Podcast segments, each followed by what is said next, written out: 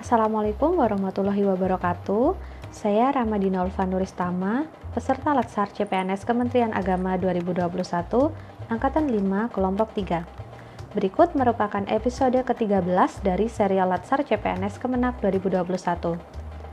Dalam episode kali ini, saya akan membahas tentang core issue yang akan saya angkat, yaitu rendahnya penggunaan jurnal prodi yang bernama Nobel Journal sebagai referensi.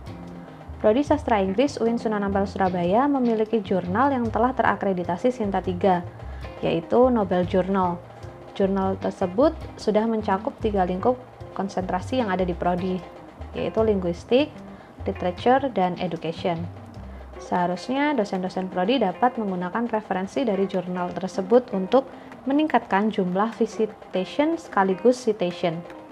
Namun, pada kenyataannya, banyak dosen yang belum menggunakan artikel-artikel di jurnal tersebut sebagai salah satu referensi mata kuliahnya.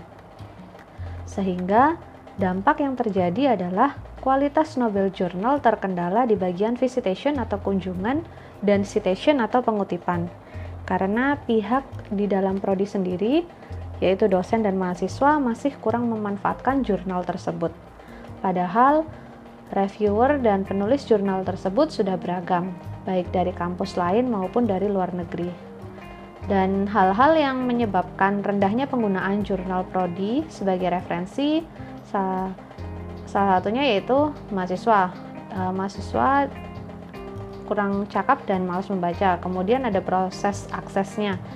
Eh, web jurnal tersendiri tidak terintegrasi dan harus membuat account ketika login. Kemudian lingkungan yang mempengaruhi yaitu tidak adanya kewajiban dari dosen untuk membaca atau mengakses jurnal tersebut dan tidak adanya inisiator.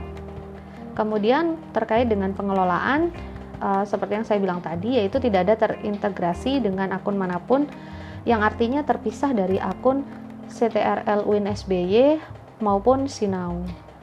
Sekian yang dapat saya sampaikan hari ini, semoga bermanfaat. Sampai jumpa di episode berikutnya. Wassalamualaikum warahmatullahi wabarakatuh.